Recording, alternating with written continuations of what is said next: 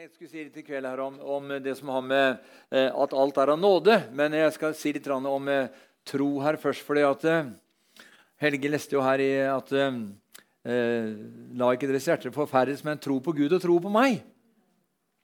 Og, og det tenkte jeg på at det er veldig viktig at, vi, at du og jeg er At vi, at vi, at vi, forvis, at vi, at vi forvisser oss om at det ikke finnes tvil eller vantro i våre liv når det gjelder Guds løfter.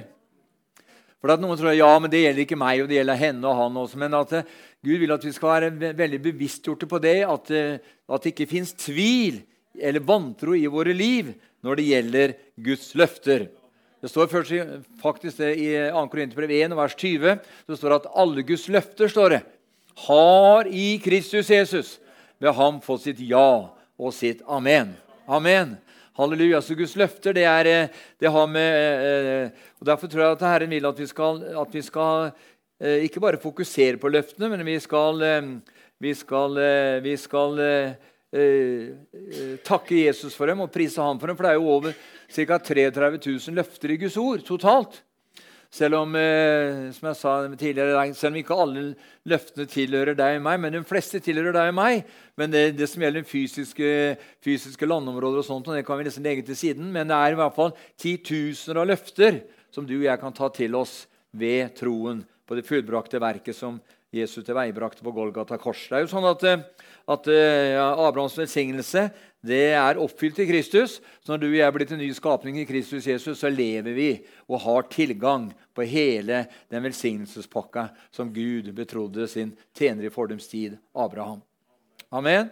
Halleluja. For det står at i ham er alle Guds løfter fått sitt ja, eller fått sin oppfyllelse og fått sitt ja. Amen. Og, var, eh, og Derfor så har det gått over. for at eh, Abrahams velsignelse var utgangspunkt bare gjaldt, det gjaldt jo bare jødene. Men eh, Abrahams løfte var jo i 1. Mosebok kapittel 12 at det ikke bare skulle gjelde jødene, men det skulle gjelde alle folkeslag. Amen. Halleluja. Så Det betyr jo ganske enkelt at når, eh, når Jesus kom, Kristus kom, så ble det også åpnet en velsignelsesdør for alle folkeslag. Og Det er derfor eh, Paulus sier i Galatbrevet 3 og fra vers 13 og, ut, og, og 13 utover at, at, eh, at uh, Abrahams uh, velsignelse fikk sin oppfyllelse i Kristus, uten å gå dypere inn på det. Men det er veldig viktig venner, at vi forstår nemlig at, vi ikke, at det ikke finnes tvil i ditt og mitt eh, liv når det gjelder Guds løfter. La oss ta for et, eh, eksempel et eksempel på Daniel. I Daniel eh, eh kapittel 10 og helt, helt, altså helt fram til kapittel 12 så ser vi da at eh, bønnesvaret altså Daniel han satt jo og leste boken Jeremias, profeten Jeremias, og han så da at eh, profeten Jeremias hadde skrevet ned at uh, Juda, altså Sørriket, skulle være i fangenskap i, uh, i Babel i 70 år. Uh, Juda Benjamins stamme. Som var, som, som, var, som, av Syd, som var Sydriket. Så ser vi da at profeten Daniel han satt en dag og så leste han profeten Jeremia. Så det er veldig lurt noen ganger å lese profetiene. vet du. Så han satt og leste Jeremias profetier, og der sier profeten Jeremias at, at, eh, at Sørriket skal være i fangenskap i Babel i 70 år. Og når Daniel leste Oi, ja, men nå er jo det 70. året. Eh, da, da, skjer vel automatisk? Nei, det skjer ikke automatisk, men da vekker Gud slike tanker i profeten Daniel, så han begynte å be. Han begynte å vente ansiktet mot Jerusalem, og så begynte han å be om at det løftet som Gud hadde gitt til profeten Jeremia, den tiden er nå inne til å få sin oppfyllelse. Og det vi ser her, venner, det var at eh, mens han ba, så ser vi da at eh, ut ifra, skal ikke gå dypt inn på det, men vi ser at allerede det tok 21 dager før bønnesvaret kom. Men allerede når engelen kommer med beskjeden til Daniel, så sier han allerede når du åpnet din munn, så gikk dine bønner fram for Guds trone, og bønnesvaret ble avsendt. Men det tok altså 21 dager fordi at det var en strid i åndens verden. Det var, eh, det var Perserikets fyrste som sto ham imot og hindra ham i å trenge igjennom i den åndelige lufthimmelen. For at det, at det fins en åndelig lufthimmel som, eh, hvor denne verdens herskere regjerer, makter og myndigheter, og de sto imot bønnesvaret. Så den engelen som ble sendt fra himmelen, hadde ikke kraft nok til å bryte gjennom den, eh, den barrikaden av, av, motstand som han møtte i, i lufthimmelen. Men da kommer overlengeren Mikael står det, og hjalp meg og gjorde at det ble seier. Så bønnesvaret brøt igjennom. Men det tok 21 dager. Og du skjønner at Daniel hadde han vært en utålmodig fyr. og Tenk sånn at Han har bedt liksom i to dager og fem, fem dager, men han bare fortsetter å be. og du skjønner at Derfor er det så viktig, for han visste at den som ber, han får. Halleluja. Den som leter, han finner. Og for den som banker på, for ham skal det lukkes opp. Og Daniel han ba og holdt ut i tålmodighet til bønn inntil bønnesvaret kom. Halleluja. Og Det er derfor mange, mange kristne også har lett for å når ikke bønnesvaret kommer med en gang, så har man lett for å bli litt sånn likegyldig og, og, kanskje liksom på en måte øh, tenke som sånn at det er ikke sikkert jeg, er ikke sikkert jeg får noe bønnesvar. Nei, men du skjønner at Alle Guds løfter har i Jesus Kristus fått sitt ja og sitt ammen med ham. Og når du og jeg ber om noe som er etter Guds vilje, da vet vi at han hører oss. Og Jeg har vært inne på dette her i 1. Johannes 3 der, eh, flere ganger nå, på denne frimodige tillit har vi til ham. At dersom vi vet at vi ber om noe som er etter hans vilje, da vet vi at han hører oss, og at vi allerede har fått våre bønneemner oppfylt hos ham. Halleluja. Men så hørte jeg ikke sikkert bønnesvaret kommer i morgen, da. men vi holder fast på det. Halleluja. Og så kommer det som vi hørte til rett tid. Ikke den tid som har eh, dere, men den tid som har haget meg, sier Herren. Så bønnehørte jeg deg, eller dere. Amen. Halleluja. Så det tok de 21 dagene som Daniel opplevde her. Det var pga. motstand som, som var av makter og myndigheter. Men eh, For kampen er ikke nemlig mot kjøtt og blod, men mot makter, mot myndigheter, mot ondskapens ånde her i, him i himmelrommet, sier Paulus i Efeserbrevet og kapittel 6. Amen. Faktisk, Faktum er det sånn venner, at mange faller tilbake i vantro dersom ikke bønnesvaret kommer der og da. Og hvis du skjønner at hvis du, hvis du ber om en ting i dag, da, og så regner du med at det, dette her får jeg i morgen, liksom, og så får du ikke i morgen, og så får, kommer du ikke på tirsdag eller ikke onsdag ikke torsdag heller, så er det mange som på en måte aborterer. Det vil si at de forkaster den bønnen de egentlig ba på søndagen. For nå har det gått fem da, fire dager og har ikke fått noe bønnesvar ennå. Nei, Gud har sikkert ikke hørt meg. Jo, han har hørt meg, men nøkkelen er at vi, ikke, eh, at vi, eh, at vi holder fast på den bønnen som, eh, eller, altså på, ja, på, den, eh, på, det bønneinnholdet som vi la fram for Herren. Og Derfor er det sånn i, i den kristne verdenen så er det mange som faller tilbake i vantro. Og De blir usikre dersom bønnesvaret ikke kommer der og da. Og du skjønner at Det, det, det står om det er én tro som behager Gud. I Galaterbrevet 6, og Det er den tro som er virksom i kjærlighet. Og den tro som er virksom i kjærlighet, venner, den er utholdende. Den er utholdende. Og den er ikke bare utholdende, men den er tålmodig også. Den venter. Halleluja. Den venter tålmodig til at bønnesvaret er der. Halleluja. La oss se på et eksempel her eh, fra apostelgjerningen i forbindelse med Paulus når han stranda på øya Malta. Skal vi se, se, på eksempel, se, på et eksempel her. I apostelgjerningen 27. Eh, I apostelgjerningen 27 og så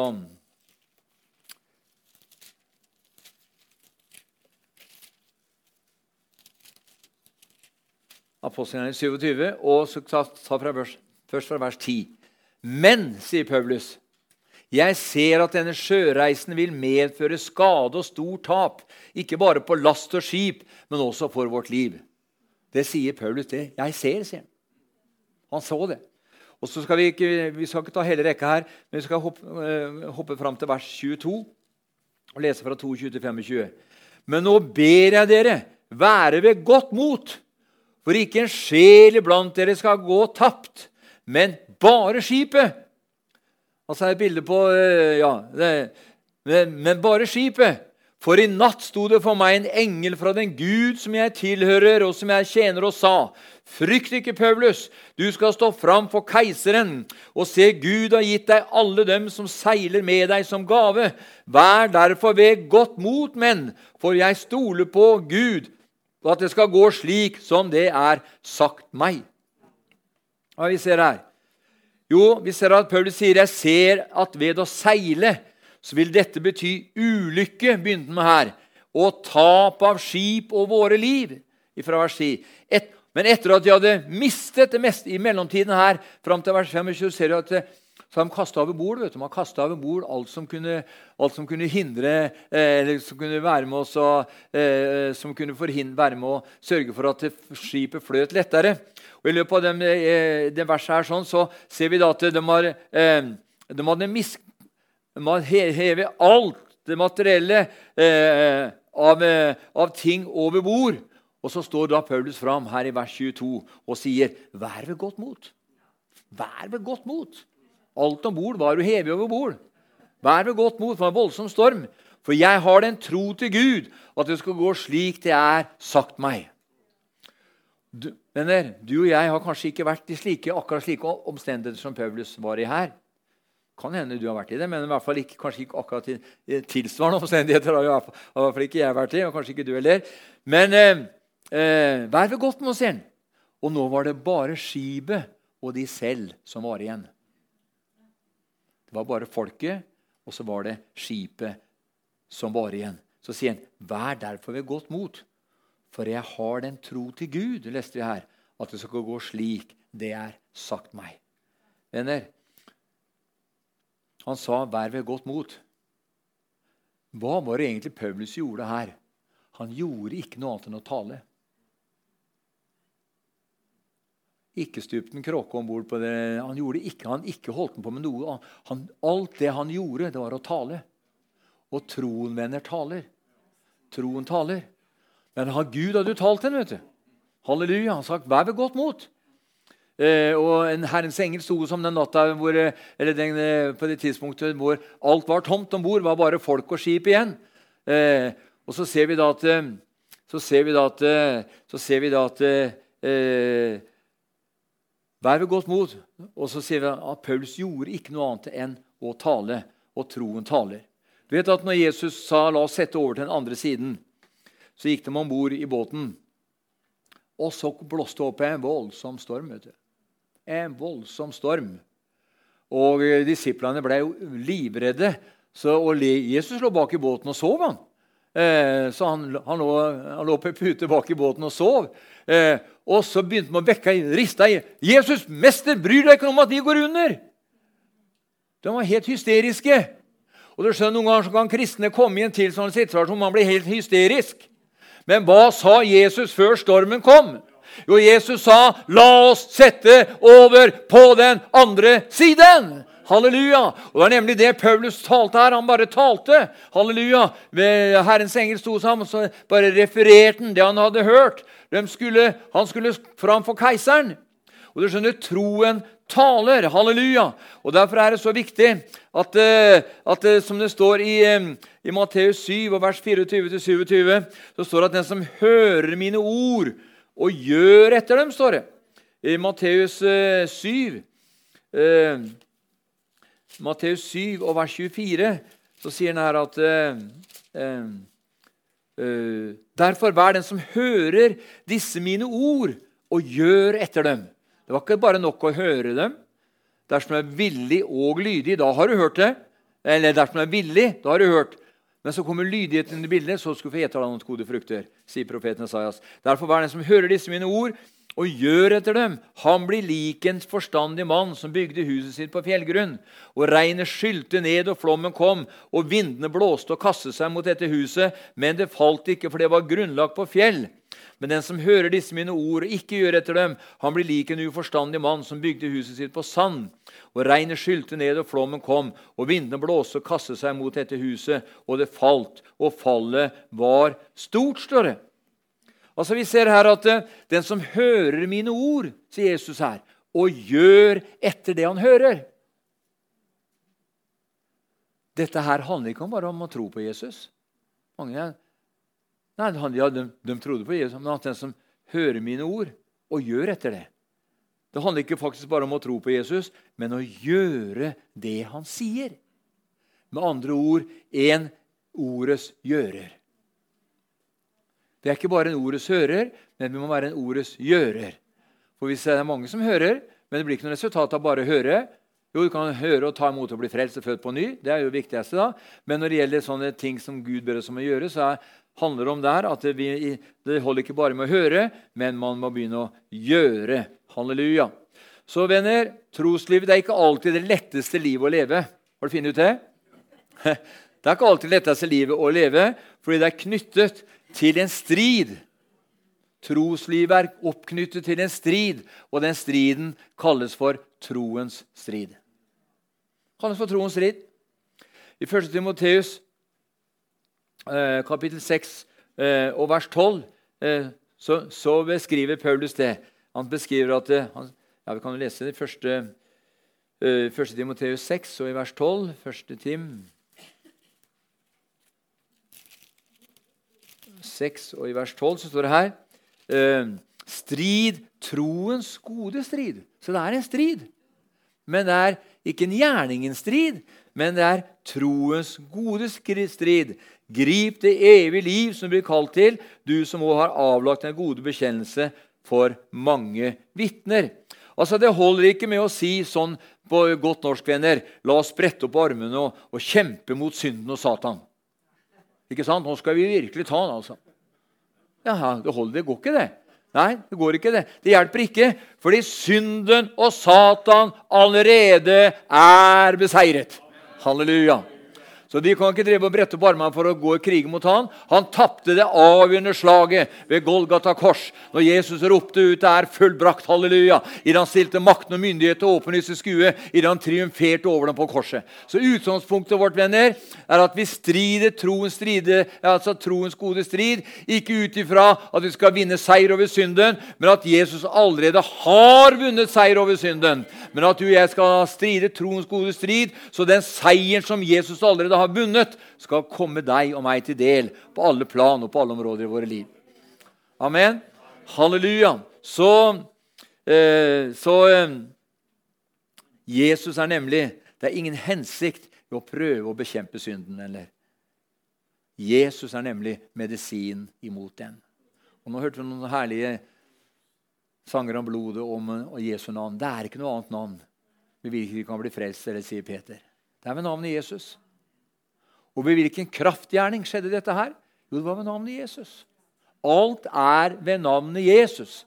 Demoner må vike i Jesu navn. Sykdom må bøye kne i Jesu navn. Alt som reiser seg mot kunnskapen om Jesus Kristus, må bøye kne i det mektige navnet Jesus. Halleluja! Fordi Jesus Kristus ble menneske og fornedret seg selv. Ja, til korsets død, sier Filippe 2, så har Gud høyt opphøyt ham og gitt ham det navnet som er over alle andre navn, for at i hans navn skal en dag ethvert eh, et hvert kne, både i himmelen, på jorden og under jorden, bøye seg og erkjenne og bekjenne at Jesus Kristus er Herre til Guds Faders ære. Amen. Han lever, venner. Halleluja. Så det, det. Men la oss, ta, la oss, ta, et eksempel eh, til da, fra Gamle Testamentet. I 4. Mosbok kapittel 13 fra vers 32. Hvilken rapport er det vi gir når folk spør for eksempel, hvordan står det til med deg? Ja, ikke så bra i dag, liksom. Nei, men hva er det eh, for det det er omstendighetene som er så lett for å sette dagsorden på våre svar? Ikke sant? Moses sendte ut tolv speidere, en representant for hver stamme. Og de kom tilbake. Det var ti speidere som hadde en veldig negativ bekjennelse. Ja visst flyter det av melk og honning der. Ja visst er det fagert og flott å se til. Men dere skulle bare visst, Moses, du skulle bare visst hvem som virkelig rådde grunnen der. De var kjemper som bodde der. Og vi var nok bare som, eh, som, eh, som, eh, Vi var ingenting i forhold til dem. Så vi har ingen sjanse, Moses. Så la oss bare glemme å innta det landet. Men så står det mens det var to stykker som hadde en annen ånd, og de ga en annen rapport. De ga en, de ga en trosrapport. De holdt ikke noe tilbake. De sa at det flyter av melk og honning der. og alt som er. Og, men de er bare en brødbit for oss, sa de.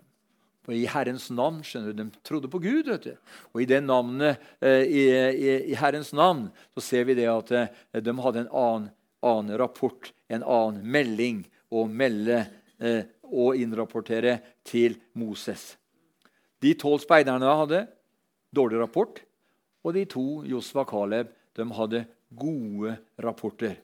Men husk jeg skrev det her i formiddag, husk troen har alltid en god rapport.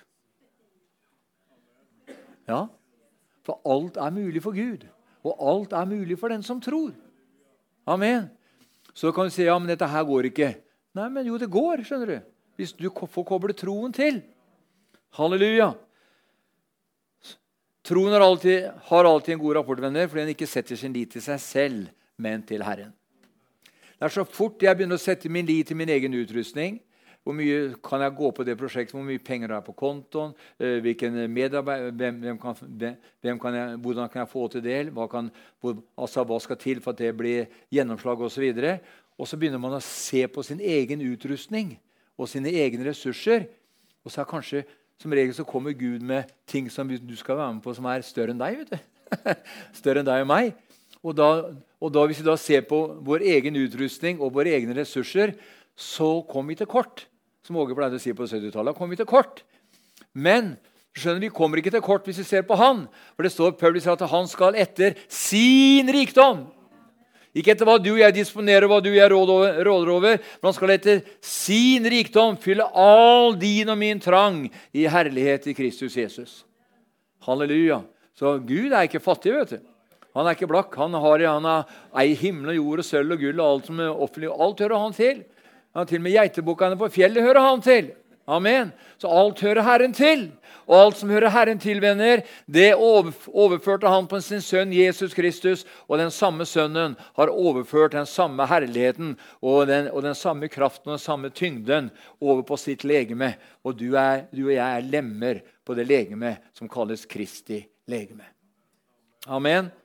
Halleluja. For han som ikke sparte sin egen sønn, men gav ham for oss alle, kunne han la være. Han kan ikke la være enn å gi oss alle ting med ham. Det er vår Gud. Dieter, det er vår Gud! Halleluja!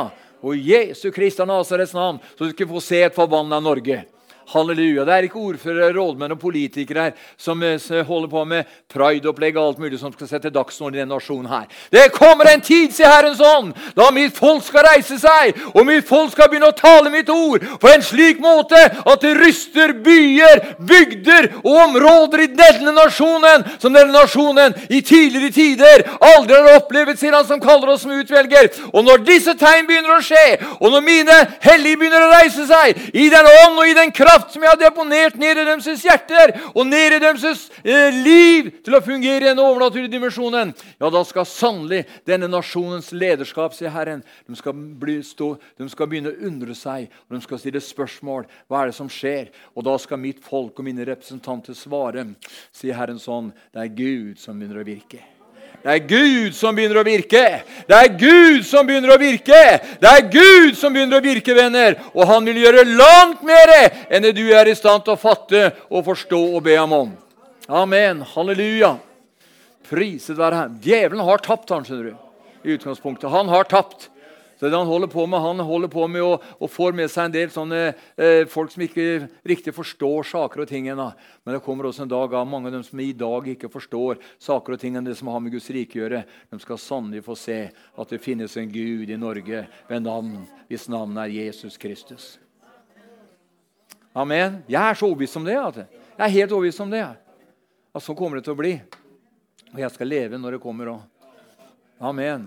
Det skal du gjøre òg. Og sammen skal vi seire, og sammen skal vi få se. Det skal bryte igjennom i denne nasjonen som vann bryter igjennom. Halleluja. Og Da blir det ikke sånne små sånne teologiske eh, eh, eh, forskjeller som kommer til å avgjøre. vet du. Men du skjønner at eh, Jeg husker Gud talte meg for mange år siden. Når jeg begynner å manifestere, manifestere meg sånn, med tegn, under og kraft og mektige gjerninger, da begynner folk å lytte. Da skal det mye til å gå i rette med en person som står under Guds kraft. Nei. Eller flere. Amen. Halleluja. De to speiderne de hadde en god rapport. Amen. Så det er en strid. Det er en strid. Men det er troens strid. For som en av tekstene vi sang Vi synger vel litt innimellom nå, kanskje. Vi sang en sang for det som ser umulig ut, har Gud en løsning på. Hæ?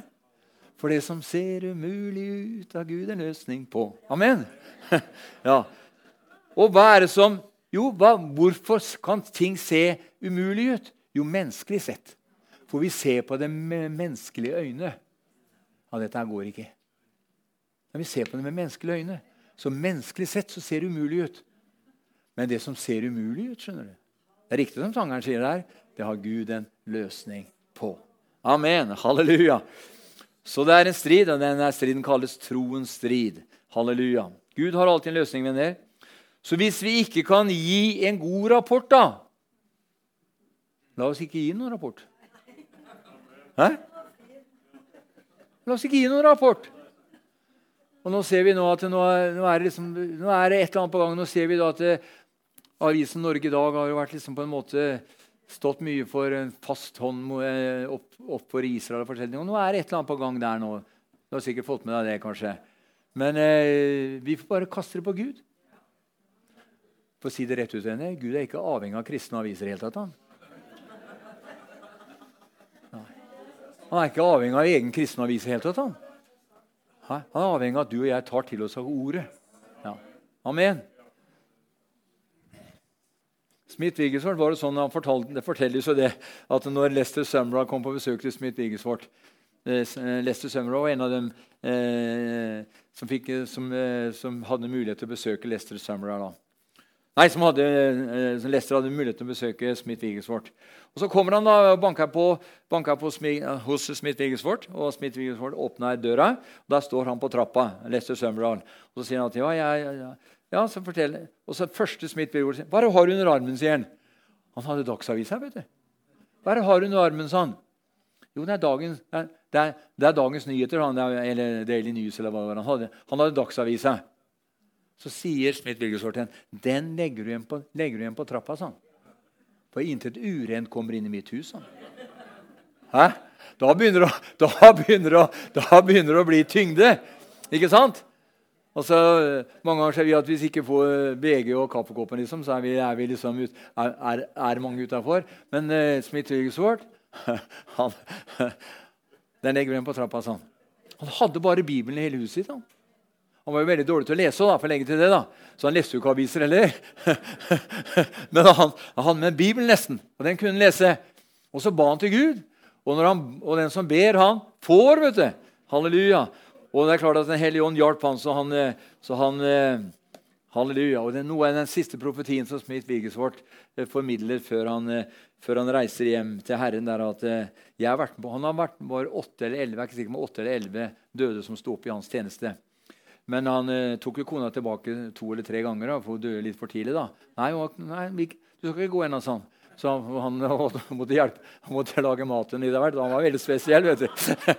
Så han tok henne tilbake to ganger. han. Men eh, tre ganger, tror jeg, tre eller, jeg er ikke helt sikker om det var tre eller fjerde. men han tok, men til slutt så Nå får du gå, da, sånn. Så han reiste. For hun ville hjem.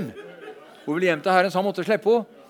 Men eh, han sa da at 'jeg har sett og vært med på en del mektige tegn under mirakler', sa han. men det er ingenting sånn i forhold til det som kommer før Jesus kommer igjen. Han var kalt troens apostel. Du kan lese, Det er flere bøker av, av, av altså Smith Wigglesworth. En av dem heter 'Troens apostel'. Amen. Så, så, hvis noen spør ja, Jeg snakker til meg sjøl nå. Eksempel. Hvis noen spør meg eller spør deg hvordan har du det i dag Hvordan har du det i dag?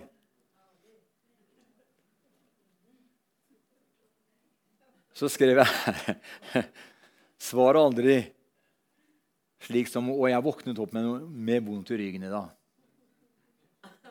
En, eller, ja, eller noe tilsvarende. Svar alltid bare 'Gud er god'. Gud er god, og han er på min side. Gud er god, han er på min side. Dette her pepra de oss veldig på på Livets ord. skjønner du. At vi aldri skulle si hvor dårlig vi hadde det. Eller altså, hvis du var sjuk, da. Hvordan, du, hvordan, hvordan står det til? Takk, bare bra. Ikke sant? Ja, men du, Hvordan går det med hofta di? Nei, ja, nei, men takk, bare bra. Jeg har det bra. For Gud er bare god. All god og all fullkommen gave kommer ovenifra fra lysens fader, hos ham det verken er forandring eller skiftende skygge. Og større venner er han som bor i deg og meg, enn han som er i verden. Halleluja. Så det er én kamp, det er én fight å kjempe. og den kalles troens gode strid. Amen. Derfor gå ikke rundt og fortell andre om dine problemer og nederlag heller. De er tapte. Ikke sant? Nå er det veldig moro for, eh, for 08. da. Den vant jo 5-1 over Strømgodset. Ikke sant? 5-1, vet du. Det er jo enormt. Det, er, det, er, det kan man fortelle, vet du. Men det, vært, det er ikke noe artig for Strømsgodset å høre at de tapte 5-1 mot 08. Så det er ikke noe utbasunere i Drammen. Nei. Og Sånn er det med, er med våre liv og venner. Altså, det er veldig dumt å utbasunere negativiteten eller problemet man sliter med. Du skjønner, Hvis man har et behov og har en manko, gå inn i ditt lønnkammer står det, og lukk døra etter deg. Og tal til Gud i lønndom. For vi er ikke offentlige tiggere. vet du. Aldri sett kronprinsessa eller kronprins Haakon eh, sitte med børsa nede på Karl Johan. Nei, Nei han er, vet hvem han er. Han er kongesønn. Han er sønn til kong Harald. Og du og jeg vi er kongesønner og kongedøtre. venner. Vi er ikke tiggere. Så det betyr jo ganske enkelt, husker Gud talte meg for mange år siden, at hvis du er i behov av et eller annet, ikke si at du jeg mangler 15 000 kroner. liksom. Noen som kan hjelpe meg med det her, Ellers går det, så går det nedenom. Og, og vet du hva som skjer da? Da er det noen som forbarmer seg over deg og gir deg 15 000. Sånn er det. Men det du skal gjøre hvis du har kommet litt lenger på trosveien, det er å gå inn i ditt lønnkammer og lukke døra etter deg og si til Far i himmelen, han som er all god gaves giver, 'Pappa, jeg trenger 15 000 kroner.' Men jeg vet at all god og fullkommen gave kommer ovenfra. Og så står det og så skal du takke ham i lønndom, og så skal han lønne deg i det åpenbare. Det er den guddommelige veien, venner. Og det er den høyere veien. Den andre er tiggerveien. Og tiggerveien hører ikke hjemme i Guds forsamling. Sånn tror jeg det er. Jeg ikke bare tror det er sånn. Halleluja. Så vi skal la alle våre, eh, alle, alt det vi trenger til, komme fram for ham vet du, i bønn og påkallelse med takksigelse. Halleluja. Ja, nei, Vi går ikke rundt og forteller andre om våre problemer og nederlag. Nei, Men vi kan gjerne, gjerne fortelle om våre seire. vet du. Det er herlig. Ikke klart, Når spør en, en, en, entusiastisk sarping åssen gikk det med kampen, med kampen på her om dagen med, med, altså med Strømsgodset Vi vant 5-1. Hæ? Ikke sant? Det er jo bare glede å fortelle. vet du, Arvid. Ikke sant? Vi vant 5-1. Da kan du si det med begeistring. Ja, vi lar det der ligge nå. Venner, over til det jeg skulle si litt om. Nå har det gått eh, nesten halve prekenen på innledninga her, da, men eh, det lå, her, det, det lå i kortet her. Men det er en sang, Jeg skal si litt om Guds nåde. Alt er av nåde. Men det er en sang som brukes ofte i begravelser, og det er sangen. Eh, det eneste jeg vet, det er at det enda jeg vet, det er at nåden rekker. Det eneste jeg vet, er at nåden rekker, og at Kristi blod min synd, min skyld, betekker. Det er Guds nåde, Guds grenseløse nåde. Det er en sang som brukes veldig ofte i begravelser.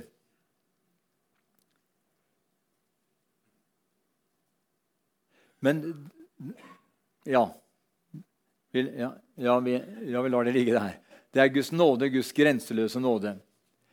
I Johannes 1, vers 16 så, står det, så sier, Jesus, så sier Johannes Av hans fylde har vi alle fått, og det er nåde over nåde. Så det går an å få noe som er nåde over nåde. Da. Ikke bare nåde, men får nåde over nåde. Og det er da Jesus, Av hans fylde har vi alle fått som har kommet til tro, selvfølgelig. Og det er nåde over nåde. Og I Efesbrevet 2, og vers 8-9 så står det at av nåde er dere frelst ved tro. Og dette er ikke av dere selv, det er en Guds gave. Det er ikke av gjerninger for at ingen skal kunne rose seg. Gjerninger fører til at du fikk det til, at du kan rose deg. vet du. All religion handler om gjerninger. Muslimene må bøye seg fem ganger om dagen i ansiktet eh, vendt mot Mekka. Eller, eh, ja, mot Mekka. Og, og, hvis de hopper over én og det blir bare fire, så blir det, så blir det forferdelig. Altså. altså. Det er en gjerningsreligion. Det er gjerninger. Men vi er ikke frelst av gjerninger, men av tro ved, av nåde ved, eller av nåde ved, tro ved nåde. Så, eh, eh, all, all religion som jeg sa, har med gjerninger å gjøre. Og Nåde betyr jo egentlig ufortjent velvilje eller en gledelig overraskelse. kan oversettes med. Fordi frelsen er en gave, den er gratis. Og Paulus sier det så kolossalt flott der i Rombrevet 6, vers 2. Syndens lønn er døden, sier han. Men Guds nådegave er evig liv i Kristus Jesus. Så han, sier jo egentlig, han gjør det veldig klart. Syndens lønn er døden. Men Guds nådegave er evig liv i Kristus Jesus. Venner, En gave kan jo som vi vet, ha forskjellig verdi, men den som får en gave, slipper jo å betale for den, uansett hvor kostbar han er. Ikke sant? Uansett hvor kostbar han er, så slipper han å betale for den. Men for, å, men for at en gave skal, skal, kunne bli en, del, bli en til del, så må man ta imot en. Man må ta imot. Man må si ja takk. Jeg må si ja takk. Slik er det også med frelsen i Kristus Jesus. Man må si ja takk. Vil du bli frelst? Ja takk. Det tragiske med det er jo faktisk at mennesket går fortapt selv om synderegningen er betalt. For synderegningen er betalt. Noen må fortelle dem om frelsens gave, så de kan ta imot. Og Derfor er jeg veldig takknemlig for at noen som tok initiativ her og begynte med evangeliseringa her på fredagskveldene. Holdt på nå var det et halvt år, er det vel? Lenger enn det. Og det var til og med en som sa til meg i går at ja, den der Vestern i Sarpsborg på fredagskveldene de er kjent om noe sånt. Ja. Så det er noe som folk prater om.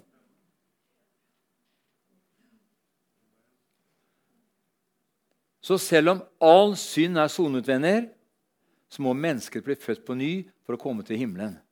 Halleluja. Så gaven den er gratis, frelsen er ferdig, og synden er sonet.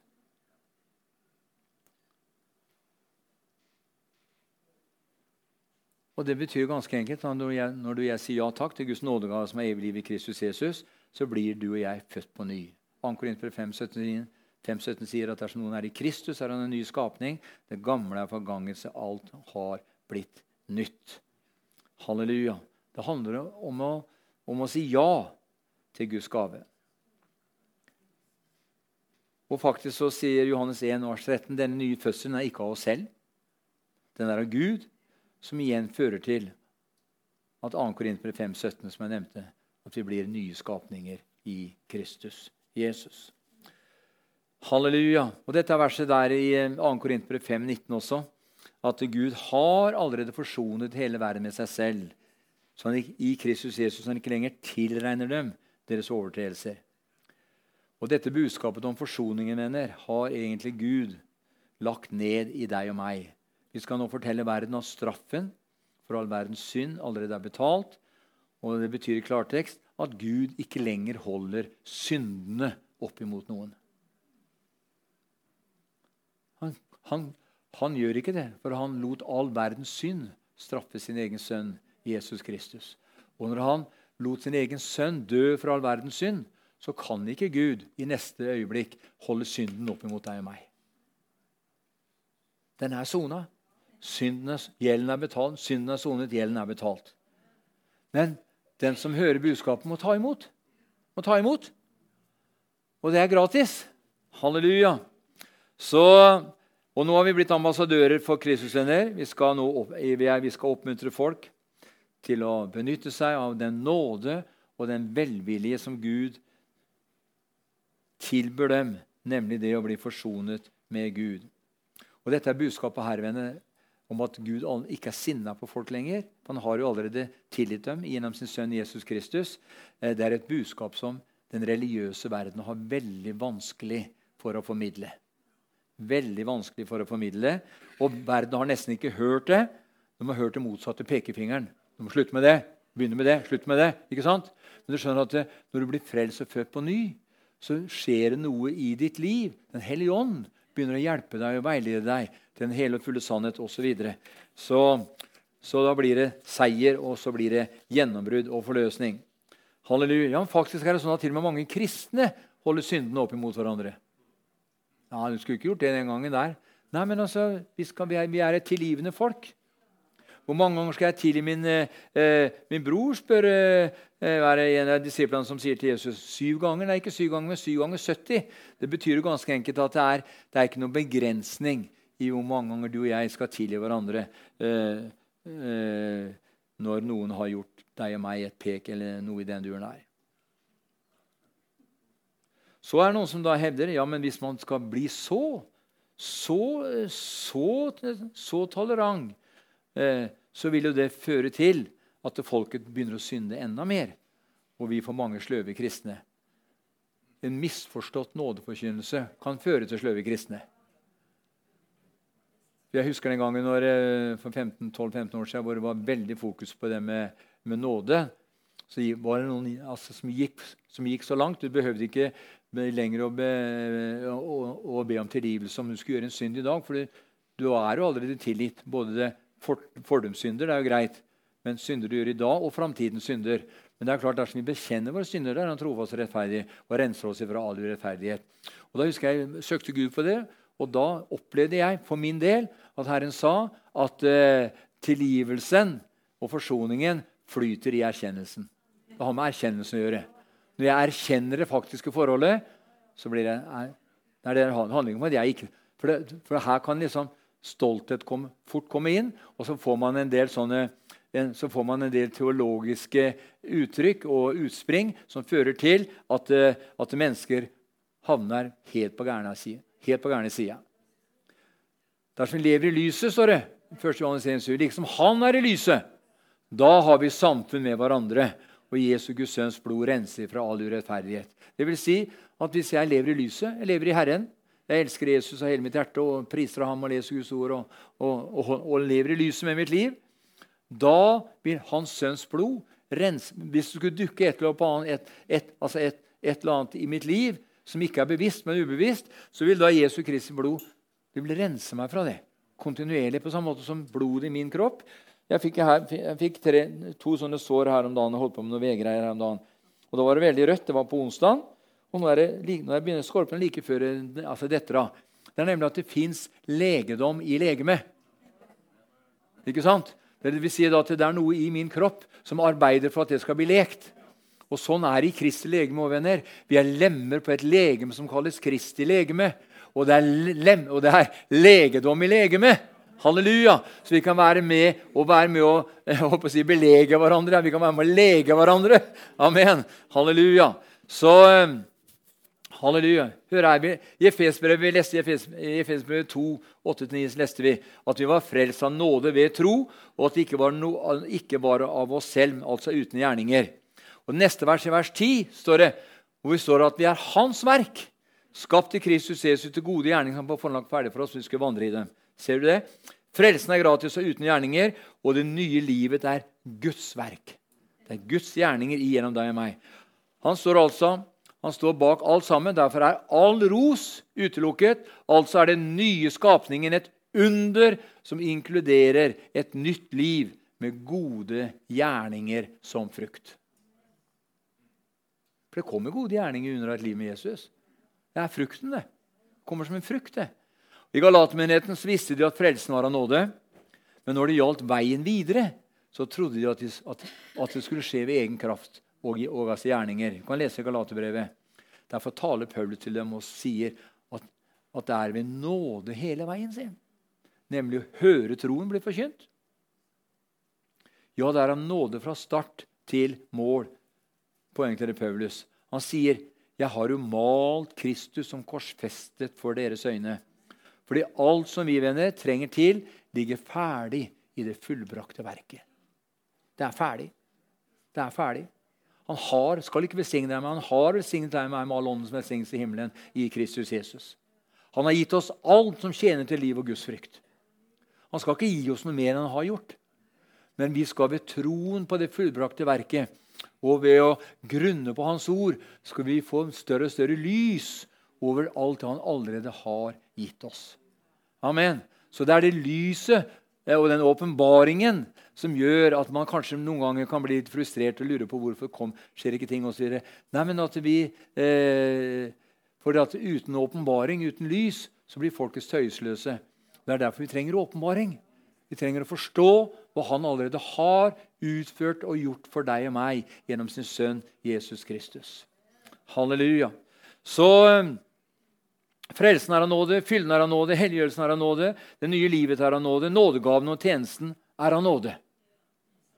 Og Hvis ikke Herren bygger huset, venner, så arbeider bygningsmennene forgjeves i Salme 127. Hvorfor det? Jo, fordi frelsen er gratis. Ufortjent nåde. Derfor kaller han den nåde over nåde. Halleluja. Og vi tror at vi må komme inn på et eller annet tidspunkt i prosessen. liksom. Vi vet at Mennesket vil gjerne hjelpe til og gjøre et eller annet. Så Vi tror at mange ganger sånn at vi må komme inn på et eller annet tidspunkt i prosessen. Men hvis så var tilfellet, da ville vi jo ha noe å rose oss av. Ikke sant? Det er en oppfatning faktisk slik i store deler av Kristi kropp. Vi må gjøre vår del. Jeg har hørt mange har sagt ja. Vi må gjøre vår del, så gjør Gud sin del. Du har hørt den? Vi må gjøre vår del, så gjør han sin del. Og venner, Dette har faktisk ført til mange og på mange områder psykiske problemer for mange kristne. Det er bare de sterke og dyktige som kan få det til. Jeg klarte det. Jeg fikk det til, jeg, skjønner du. Ikke sant? Jeg fikk det til. Hva har du fått til, da? Og hva har du som du ikke har fått, forresten? Hæ? Hva har du som du ikke har fått? Nei, alt er av nåde. Og alt det vi har, har vi fått. Halleluja! Den ydmyke gir han nåde, men den stolte står Gud imot. Så, Men slik er ikke evangelievenner at du og jeg fikk det til. Dersom man går inn i ordet, så ser man at gjerningsreligionen er parkert for alltid. Den er parkert for alltid. Hvorfor? For alt er ferdig. For alt er ferdig. Vi må huske at Faderen er fullkomment fornøyd venner, med det verk som Jesus Kristus fullførte på Golgata kors. Halleluja. Det står i, i 1. Korinterbrev 1,30 så står det at helliggjørelsen er også av nåde. Uten helliggjørelse skal ingen se Gud. står det. Ja, det er riktig. Men den helliggjørelsesprosessen der er også av nåde. For 1. Korinterbrev 1,30 sier lovens bokstav det har, eh, har, lett for å snike seg inn skjønner du, når vi snakker om helliggjørelse. mellom oss se på 1. Korinterbrev 1,30, hva som står der. I, 1. Korinterbrev 1 og i vers 30 så står det her For det er Hans verk at dere er i Kristus Jesus. Altså Guds verk. Han som for oss er blitt visdom fra Gud, rettferdighet og helliggjørelse og forløsning. Jeg har fått alt sammen i hele pakka. Det er som Åge pleide å si på 80-tallet, at når han hadde fullført verket, så satte han seg. Ja, Jesus satte seg. Og det er veldig, veldig godt, uh, godt, altså godt, beskrevet. Når han hadde fullført frelseverket, så satte han seg. Og det var da nå, husker jeg Åge prekte med at når, og når han har satt seg, sånn, så kan jeg sette meg, jeg òg. altså, han brukte det uttrykket der. Jeg skjønner godt hva han mener, at for alt er ferdig. Men vi trenger åpenbaring til å forstå hva vi allerede har fått. Amen. Det var noe jeg lå og tenkte på her, her, her i natt om åndelig frukt. vet du. Altså der eh, i, eh, i eh, Når et par blir forelska, og, og, og de forlover seg gifter seg, så, så, kommer det frukt. Det kommer barn. Som et frukt av et samliv så kommer det barn. Kanskje ikke overalt, men i de fleste tilfellene så gjør det det. Og så er det nemlig sånn at Og så begynner frukten å vokse opp. Og så blir barna litt, litt større. Og så er det mange familier sånn som får barna en større oppmerksomhet enn ektefellen. Det blir feil. skjønner du. Gud visste meg om det blir så feil. For du skjønner, Virkeligheten er at den du, eh, den du, sammen, den du lever med, den må være alltid nummer én. Og så får frukten komme som nummer to. For det er nemlig sånn også i Guds rike at det er åndens frukt skjønner du, og tjenestegaver. Det kan bli sånn at vi blir så opptatt med vår tjeneste. Vi blir så opptatt med, eh, med vår ministry. Vi blir så opptatt med eh, den gaven jeg har, osv. Og, så og til slutt er det gaven som får hovedfokuset istedenfor giveren. Amen. Så frukten må alltid komme som nummer to. Det gjelder både i den naturlige verden og i den åndelige verden. Ja, men Det var radikalt, sier du. Ja, men sånn er det. Pang, ferdig med det. Mm. Det er Guds ord, sånn som jeg ser det da. Halleluja. Venner,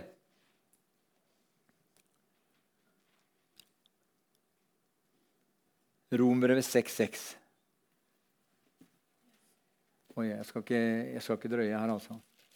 Jeg blir ikke ferdig likevel. så. Jeg tok for lang innledning. eller begynnelse her. Men det var viktig òg, da.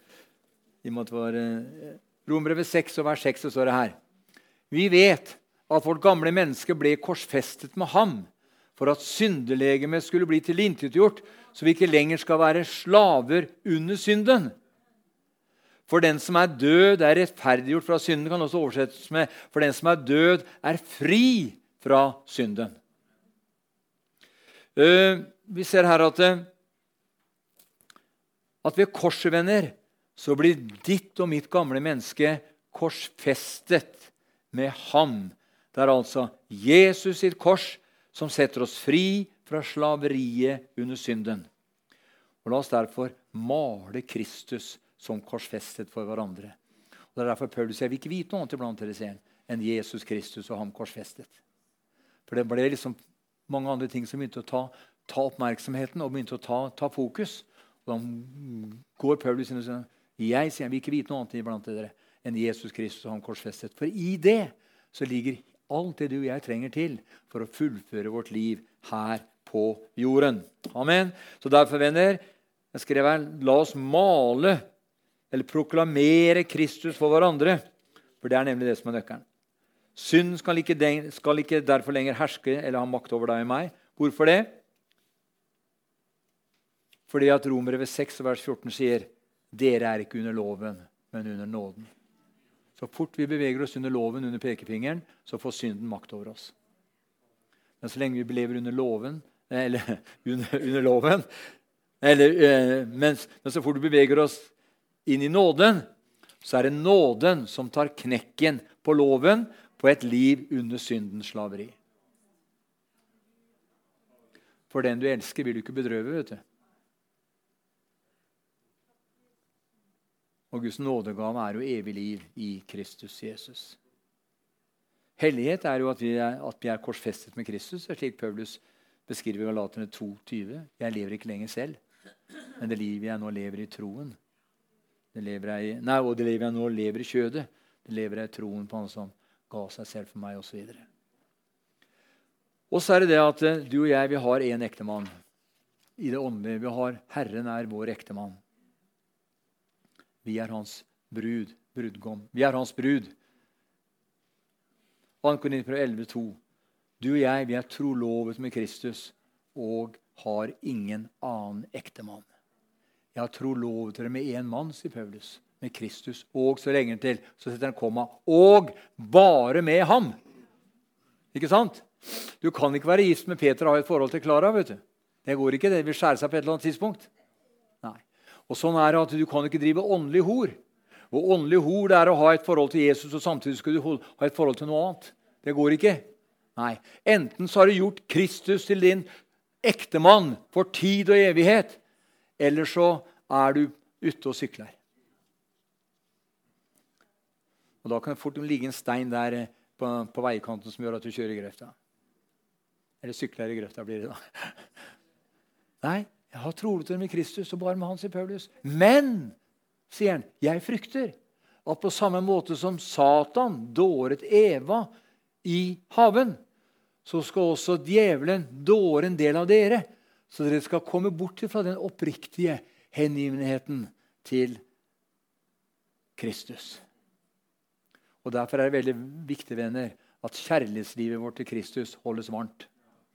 Sånn er det med alt kjærlighetsliv. Det må holdes varmt. Ellers så dør det. Det dør ikke over natta. Det er en prosess. Og Sånn er det med, sånn med gudsforhold også. Det kan bli sløvt, men det er ikke noe å bli sløvt over, over natta. Det kan gå fem år. det Gå over tid.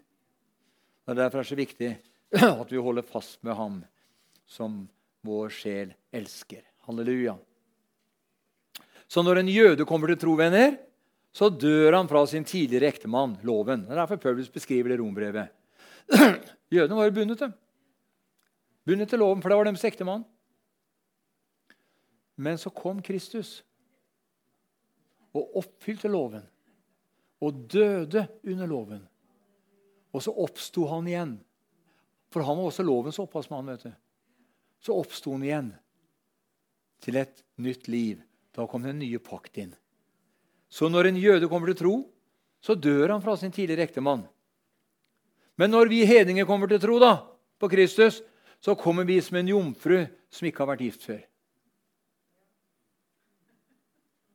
Vi kommer som en jomfru som ikke har vært gift før. Hvorfor?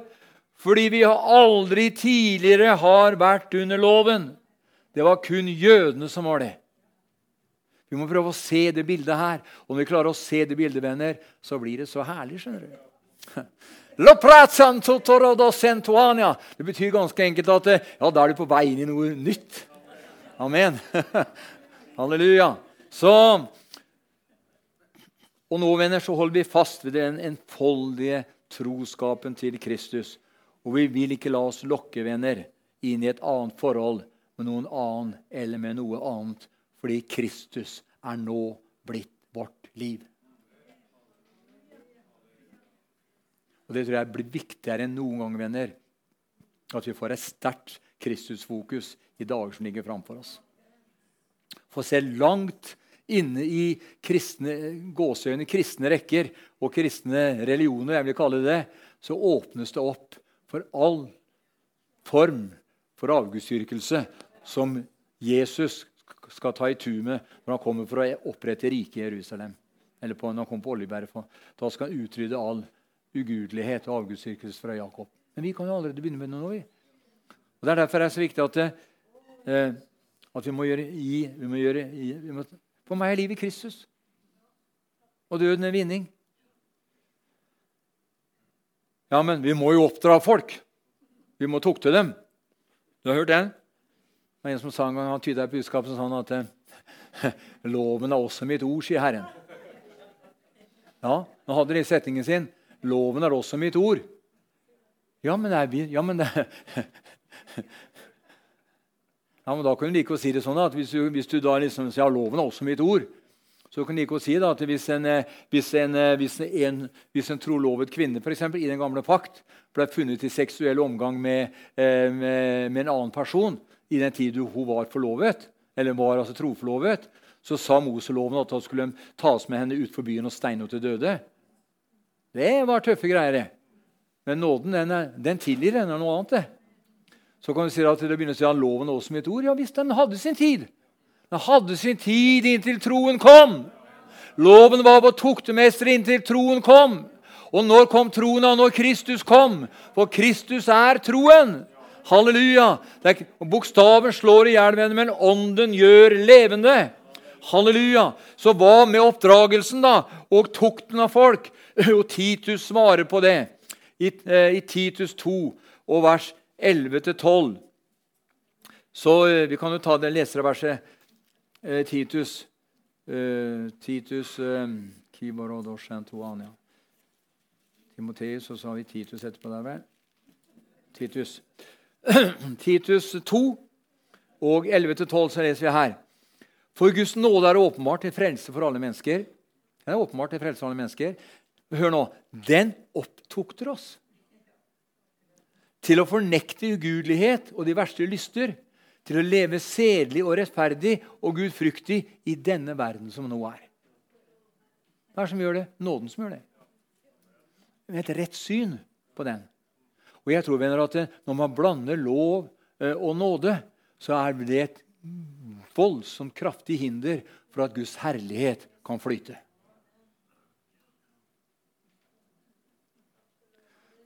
Jeg husker jeg kjørte mye varer til folk før. Eh, jeg drev en butikk på 70-tallet. da. Senere også, da. Men da kjørte vi, mye, kjørte vi, rundt med varer til folk. vet du.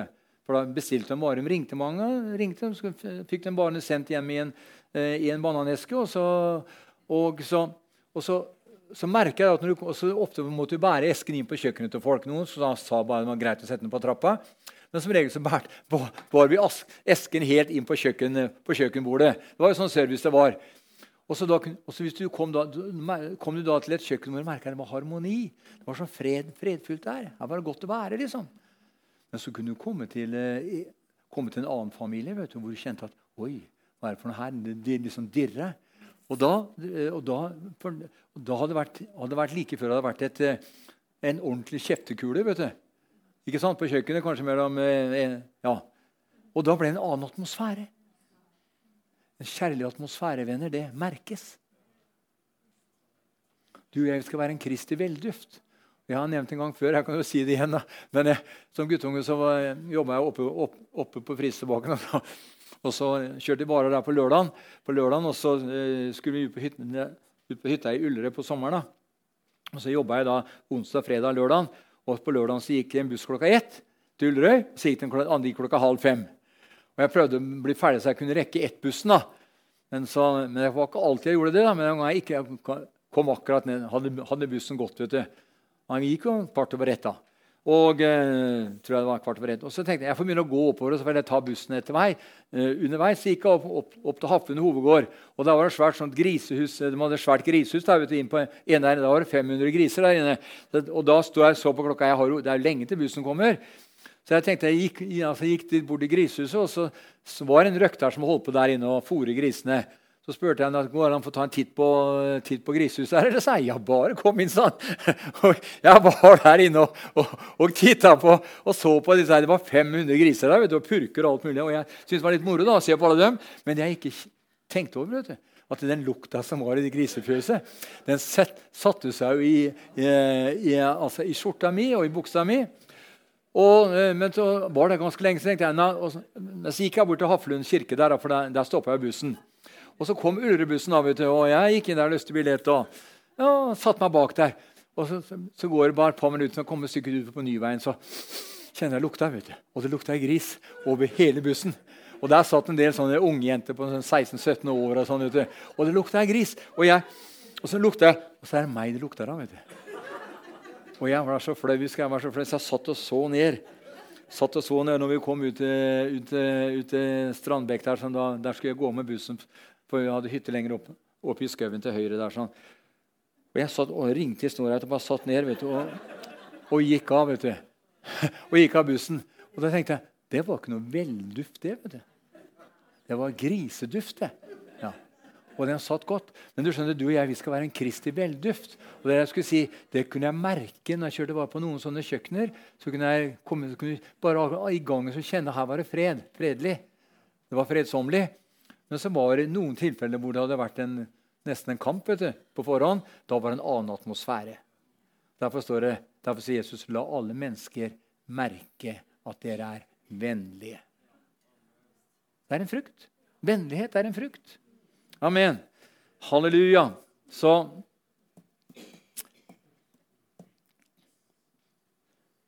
Så med, med, andre ord, nåde over nåde. Helliggjørelsen er et produkt av den frelsende nåden, og denne nåden den oppdrar deg og meg. Halleluja. Halleluja.